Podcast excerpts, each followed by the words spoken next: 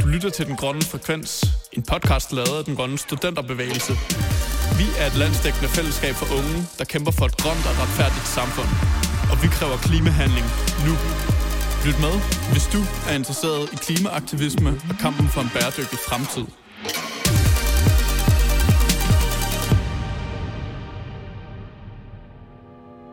Hvis du kunne tage alle de organismer på landjorden, der har en ryggrad, og putte dem på en vægt, så vil du finde ud af, at ca. 65% af vægten udgøres af vores domesticerede dyr, og mindre end 3% for den vilde natur. Så vi har virkelig lavet om på sammensætning altså af, af, af økosystemer. Af for den, var. Ja. Vi lægger måske lidt hårdt ud i dag, men øh, ikke desto mindre rigtig hjertelig velkommen til Den Grønne Frekvens, som i dag skal handle om biodiversitet. Den stemme, du lige lyttede til før, den tilhører Catherine Richardson. Hun er leder af Københavns Universitets Sustainability Science Center. Så er hun medforfatter på FN's bæredygtighedsrapport fra sidste år, og så er hun professor i biologisk oceanografi. Hvad er biologisk oceanografi? Det er egentlig ikke marinbiologi, fordi marinbiologer, de, de kigger på organismer i havet og prøver at sige, altså hvor meget energi får de, hvor får de det fra, og alt det der. Vi har kigget på havet selv, og mm. prøvet at se på, hvordan den biologiske aktivitet bidrager til, til jordkloden som helhed.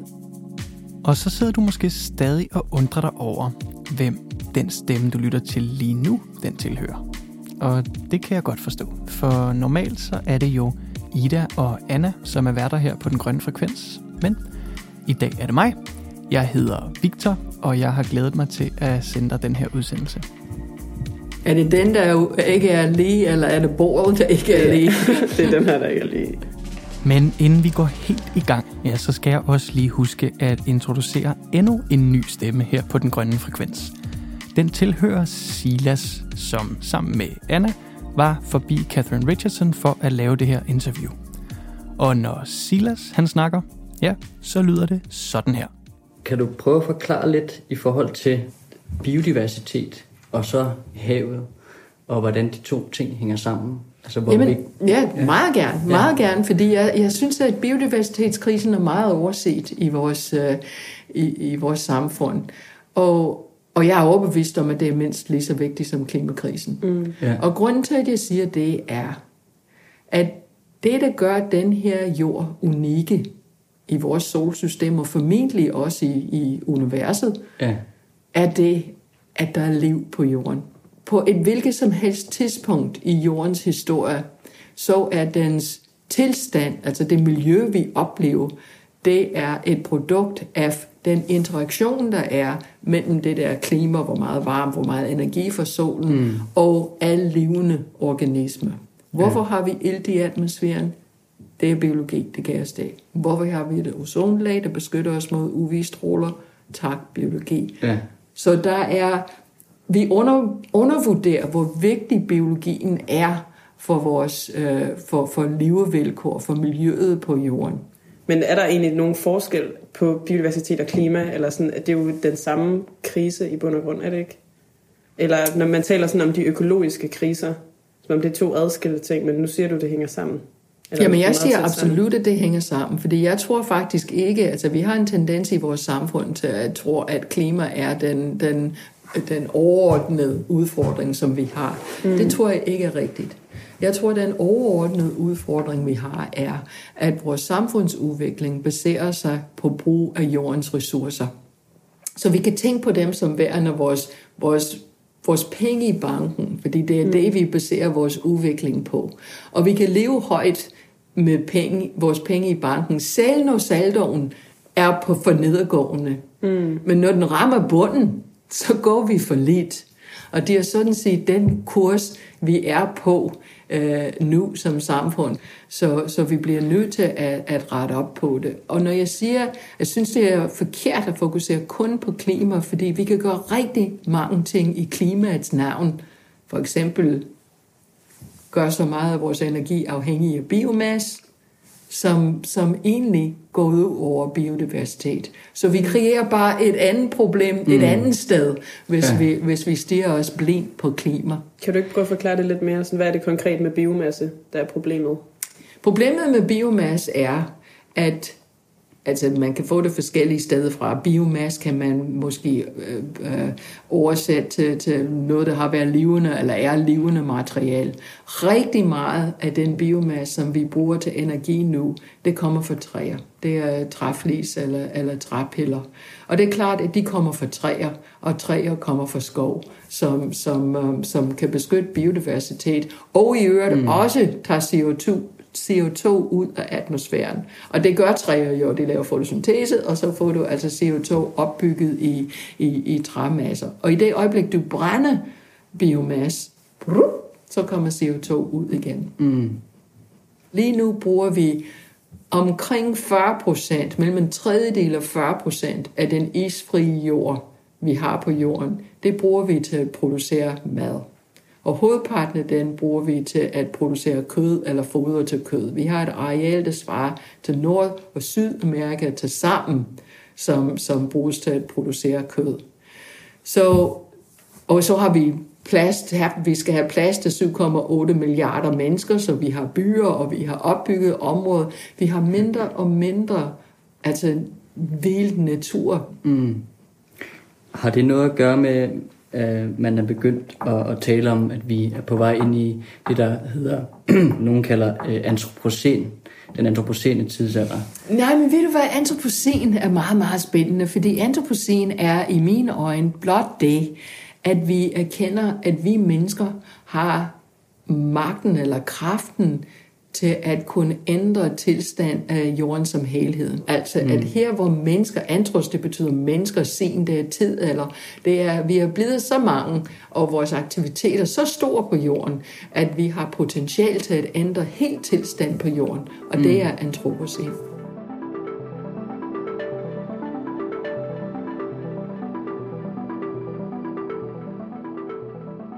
Så nu i denne antropocene tidsalder er det altså os, der bestemmer, hvordan naturen ser ud.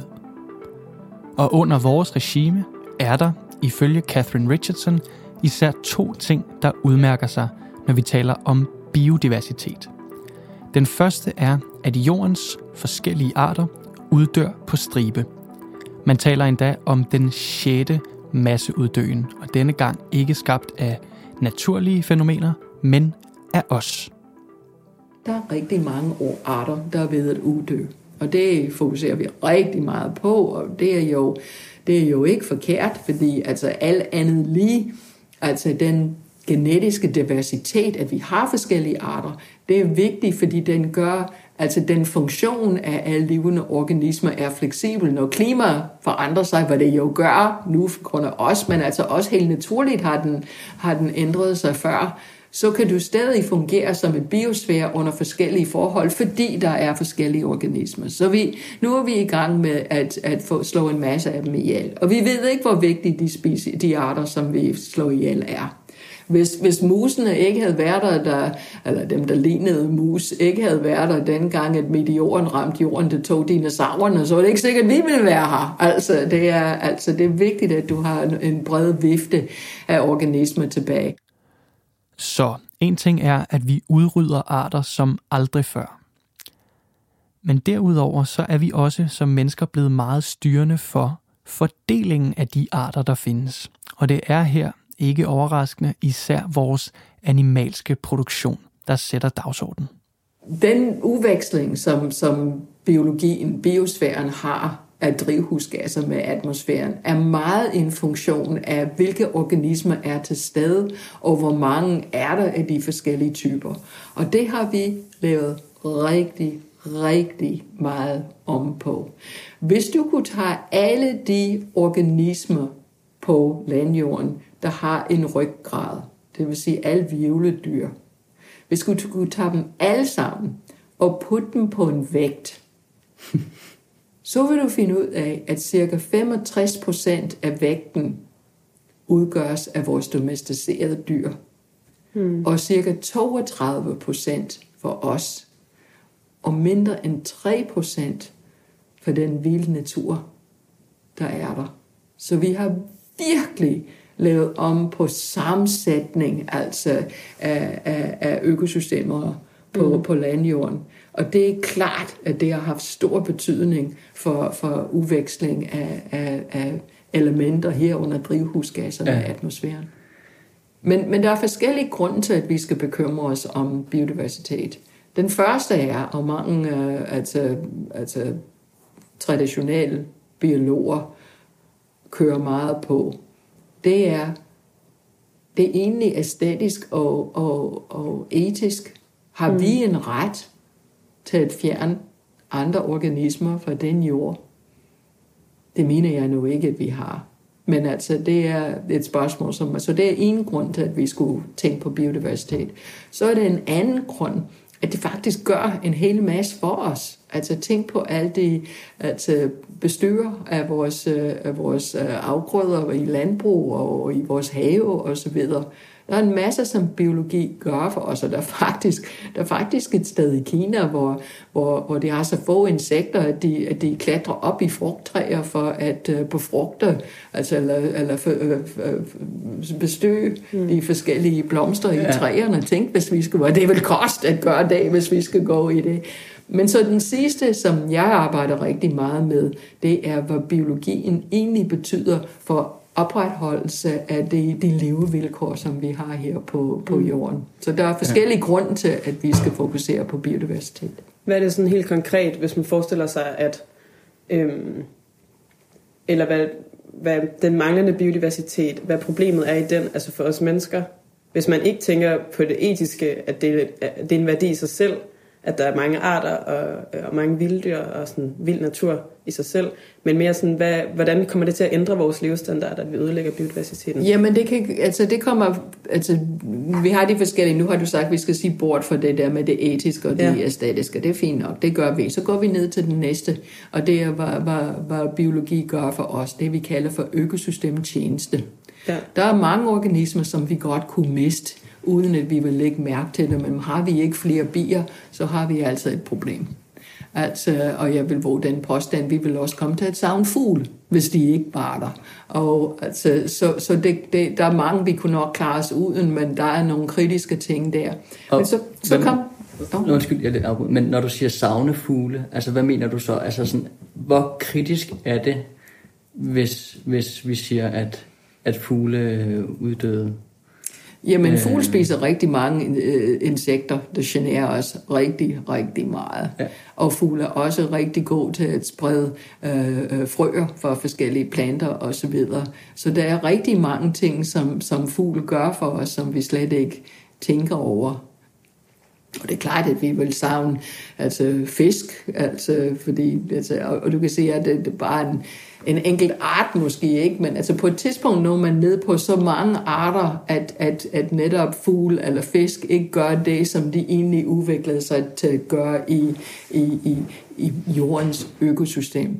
Og det sidste niveau, det er den, hvor jeg taler om, altså den der rolle, som den samlede biosfære, alle levende organismer har den der interaktion med klima, der, der, der egentlig danner miljøet her desværre vil jeg sige, at øh, vi har ikke ret god, øh, en ret god forståelse endnu om, hvor meget vi kan tage ud af biosfæren, eller hvor meget vi kan ændre sammensætninger af organismer, før vi får altså vi får um, negative konsekvenser. Det er faktisk noget, jeg i min forskning arbejder på lige nu, om vi kan regne ud, hvor meget de ændringer, vi mennesker har på, pådyttet biodiversitet på landjorden, hvor meget har det betydet for klimaforandring?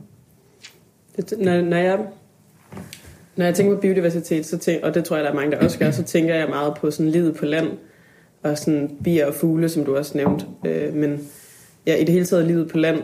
Men du er oceanograf, Det er det, det hedder, ikke? Hvad er, hvad er sådan havets rolle i det her helt konkret, og hvordan er det, vi ødelægger biodiversiteten i havet, når jeg nu, altså når jeg går rundt og foretager mig ting i, i min dagligdag. Hvad har det overhovedet af påvirkning på havet? Er det rigtigt? er du rigtig klog? Livet startede i havet. Der er absolut intet, der tyder på, at livet i havet er, er mindre vigtig eller har mindre behov for beskyttelse end, end naturen på landjorden eller biodiversitet på landjorden. Men ingen, ligesom dig, tænker over det. Og, og altså, hvis vi skal starte helt fra starten, du vil ikke have ilt i atmosfæren, du kan trække, hvis ikke du har de små planter i havet. Det var dem, der leverede det, så allerede der skal du bukke og, øh, altså, altså for, for, for ja, livet i havet. Men havet optager også, um, har optaget sådan mellem en tredjedel og halvdelen af den ekstra CO2, som, som vi mennesker har smidt ud i atmosfæren siden den industrielle revolution. Lad os lige tage den en gang til. Havet har altså optaget mellem en tredjedel og halvdelen af alt den CO2, som vi mennesker har lukket ud i atmosfæren siden begyndelsen af den industrielle revolution. Og hvordan kan havet så optage så meget? Jo, det er der to grunde til. Den ene hedder den fysiske pumpe, og den anden hedder den biologiske pumpe. Og hvis vi først ser på den fysiske pumpe, ja, så fungerer den ved, at når vi mennesker lukker drivhusgasser ud i atmosfæren, så vil de ved havets overflade blive suget ned i havet, indtil at havet og luften har indfundet en ligevægt imellem sig. En del af det er på grund af de fysiske øh, egenskaber, som, som, som havet har, at du opløser mere øh, CO2 i vandet osv. Men faktisk en meget betydelig del af det er faktisk også du, øh, øh, en funktion af biologien i havet. Den anden pumpe, altså den biologiske pumpe, den fungerer til gengæld på en helt anden måde. Men for at forstå, hvordan den fungerer, skal vi først lære lidt om, hvordan livet på land adskiller sig fra livet i havet. Naturen i havet, den fungerer på en lidt anden måde end naturen på landjorden. Altså, jeg tror, altså, når du kigger ud af vinduet her, så ser du det første natur, du ser, det er det træ der. Det er stort. Hvorfor er det stort? Det er stort, fordi den skulle kunne få sine rødder ned, hvor der er vand, og så skal man kunne være stiv nok til at, at få den altså dernede fra og op til fabrikken, der skal bruge lyset og lave fotosyntese. Så det er egentlig vand og adgang til vand, der, der bestemmer, hvordan et træ ser ud. Man kan også sige det på den måde, at planter på land de er store, fordi der er lang vej fra der, hvor de drikker deres vand, altså i jorden, til der, hvor de fanger deres lys op i luften. Men det forholder sig helt anderledes i havet, og jeg håber ikke, at du vil blive alt for overrasket, når du hører, hvad Catherine her fortæller. Tro mig, adgang til vand er ikke noget problem, når man er øh, i, i, i havet. Og derfor er planterne i havet meget, meget, meget, meget, meget, meget, meget, meget mindre end planterne på landjorden. Og hvis de var lige så store som det træ der, så ville de være så tunge, at de ville synke væk fra der, hvor der er lys, og så ville det jo ikke gå. Så der er meget mindre, der er meget mindre kulstof bundet op i biomasse i, i havet. Hvis du tager al havets øh, biologi, altså biologiske organismer, og tager deres biomasse sammen, så er det nok, øh, altså det er omkring en hundreddel at det, det er på, på landjorden. Det er altså en forsvindende del af jordens samlede mængde liv, der bor i havet. Og alligevel er der rigtig meget af vores CO2, der er bundet i organisk materiale netop der. Og det er så her, vi kommer til den biologiske pumpe.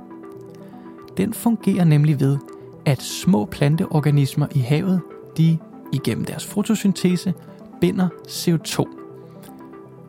Når så planterne dør, ja, så vil de synke ned til bunds og dernede fungere som et lager for kulstof. Det er godt nok ikke en permanent fjernelse af vores CO2, men den holder dog i nogle tusind år. Og lige nu på det tidspunkt, hvor vi har allermest brug for at få nedbragt CO2 i atmosfæren, er det meget kærkomment. Hvis den kulstof, der bliver fixeret bliver via fotosyntese hos de her bitte små planter, hvis den falder ned til bunden af havet, der hvor havet er meget dybt, og hvor der er en, en permanent skilleflade, så bliver den CO2 holdt væk fra vores klimasystem. Det er jo perfekt. De små planter fra havet kan opfange vores CO2 og gemme den nede på havbunden. Men hvor er det så alligevel, der opstår et problem? Jo, for at forstå det, skal vi først lære lidt om plankton og det, der hedder den planktoniske fødekæde. I havet binder du ikke så meget der, og alligevel optager havet rigtig, rigtig meget. Også biologien i havet. Hvordan gør de det? Jamen det har noget med strukturen af den planktoniske fødekæde, det vil sige dernede, hvor du finer planterne. Hvis du har meget små planter, og de er alle sammen små til os, så vi har altid troet, at ja, hvor. Men altså rent faktisk forskellen mellem den mindste og den største af de her små planteplankton er større end den, den volumenforskel mellem en mus og en elefant. Og du ved udmærket godt, at mus og elefanter ikke indgår i fødekæden på samme måde. Og det samme gælder selvfølgelig i havet. Mm. Har du mindre organismer, så får du ikke så mange fisk ud af det, fordi de mindre organismer skal spise nogen, der er lidt større, så lidt større, så lidt større. Og så kommer man efter måske fem led op til, til fiskelarver og så fisk. Men hver gang du går igennem et led, så smider du 90% af energien ud. Så du, det er svært at få solens energi helt op til fisk, når man starter med små plankton. Når man starter med stor, så kan fiskelarver spise dem direkte, eller de store øh, dyreplankton kan spise dem, og så fisk kan spise dem, så, så pludselig ender man med kun to, en til to led, og det siger sig selv, der kommer meget mere energi ind. Så det har betydning for fødekæden, men det har også betydning for, hvor meget man synker ud de store synker hurtigere og fastere, og der er mere sandsynligt, at de synker langt ned til bunds. Så det er altså de relativt store fytoplankton, vi har brug for, for at holde gang i den biologiske pumpe. Og det, altså, så vi ved, at det er strukturen af fødekæden, der betyder enormt meget, planktonfødekæden, det betyder enormt meget for, hvor meget kulstof havet kan optage og lære. Hvad er det så, der gør, at vi er ved at ødelægge den nu? Altså ødelægge hele ødelægge de her økosystemer også i havet? Det er i den grad en funktion af temperatur. Og jo varmere mm-hmm. havet bliver, jo mindre de der fytoplankton bliver.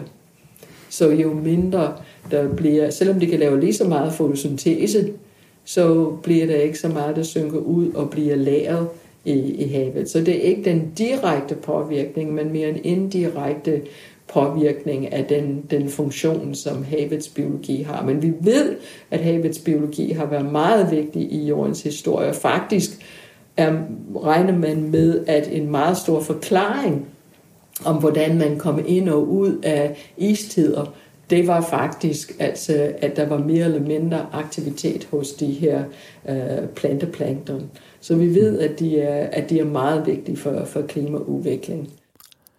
Og når Catherine her kalder det en indirekte påvirkning, ja, så er det fordi, at det er temperaturstigningerne forårsaget af os, som påvirker organismerne. Vi påvirker dem altså ikke direkte. Det gør vi derimod, når det kommer til lidt større organismer.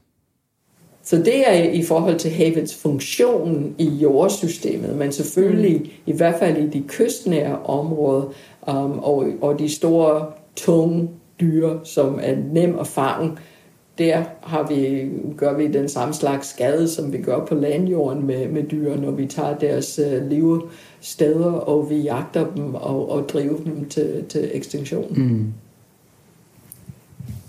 Hvis jeg må spørge lidt om noget andet.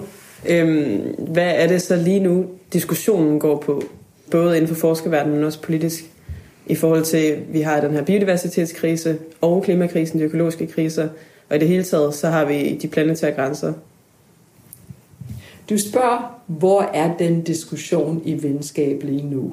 Der er rigtig mange diskussioner i venskab.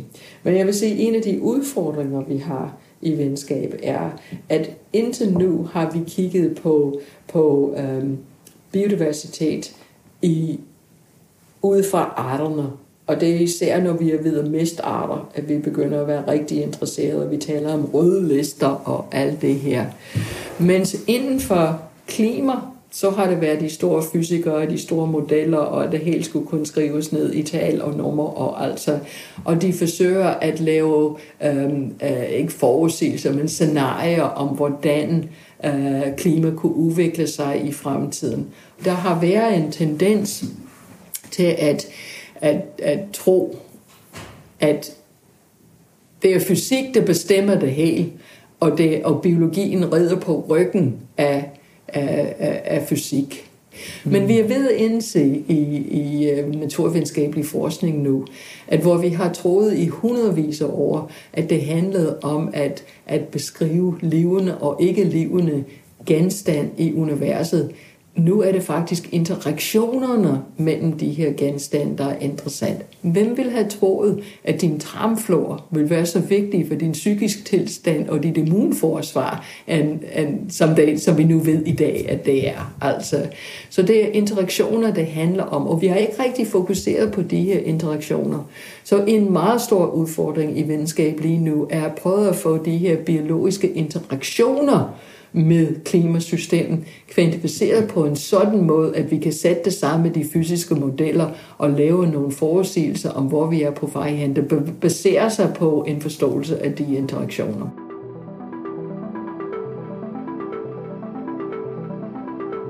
Så vi mangler altså stadig en hel del viden for at forstå nøjagtigt, hvordan biodiversitet påvirker vores klima. Men selv på de områder, hvor vi har rigeligt med viden – ja, der er videnskaben jo ikke i sig selv i stand til at skabe forandringer. Der skal andre parter til. Politikere. Jeg hører ikke så meget fra politikere omkring biodiversitet. Jo, nu er de i gang med at sige, at de vil altså, altså lave noget urørt skov i Danmark og så videre, men, men, men jeg, jeg fornemmer ikke en ægte forståelse for problemstilling.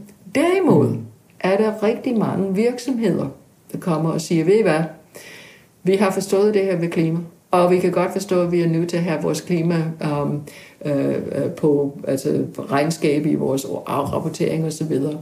Og vi tror, vi tror, at det næste, der kommer, er biodiversitet. Er det så godt, ser du ligesom at tage politiske midler i brug, eller tror du på, at det ligesom kan ske igennem de virksomheder, som også har stået for meget af den belastning. Og, det kommer ikke af sig selv. Og, det kommer absolut ikke af sig nej. selv. Vi er nødt til at, altså det er det, øh, vi taler nu om transformation. Hvad er transformation?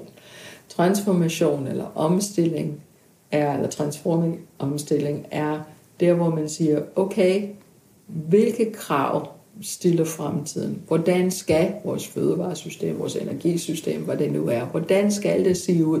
Hvis vi skal overholde Paris-aftalen og bæredygtighedsmålsætninger. Når vi ved det, så kan vi sige, okay, det er der, vi er på vej hen. Og så skal man altså arbejde baglands. Hvad kræver det? I stedet for at bare kigge på, hvad kan vi gøre på det, vi kender i dag? Hvilke, hvilke, hvilke knapper kan vi dreje på for at lige se? Altså, vi nåede ikke til vejs end, medmindre vi danner et billede af, hvor vi vil gerne være hen, og lave nogle scenarier om, hvordan vi kan komme der. Hvem ville have mm. troet for et år siden, at vores valg i juni måned ville være et klimavalg? Og det var fordi befolkningen bad om det. Det var ikke fordi politikere tog den beslutning, og det var aldeles ikke fordi virksomheder sagde, at sådan skulle det være. Det var fordi, vi gerne ville have det. Og, og vi taler meget i naturvidenskab om, om tipping points, det der med mest is på Grønland, eller mest is på um, øh, øh, arktisk havis, eller, eller Amazonas skulle forsvinde. Der er også social tipping points, altså vores samfund, altså pludselig det bliver, altså det der med rygning, altså det var, det var en social, altså det var status forbundet med rygning, det er der altså ikke længere. Og øh, der var status forbundet med de store sorte hummer, der kørte igennem. Dem ser man ikke så mange af længere. Så, så social tipping points er vigtige, og jeg, jeg i min mest optimistiske øh, øjeblikke, så, så tænker jeg, at måske sidder vi faktisk her midt i en, en social tipping point, som vi er så tæt på, at vi i virkeligheden ikke kan få øje på det.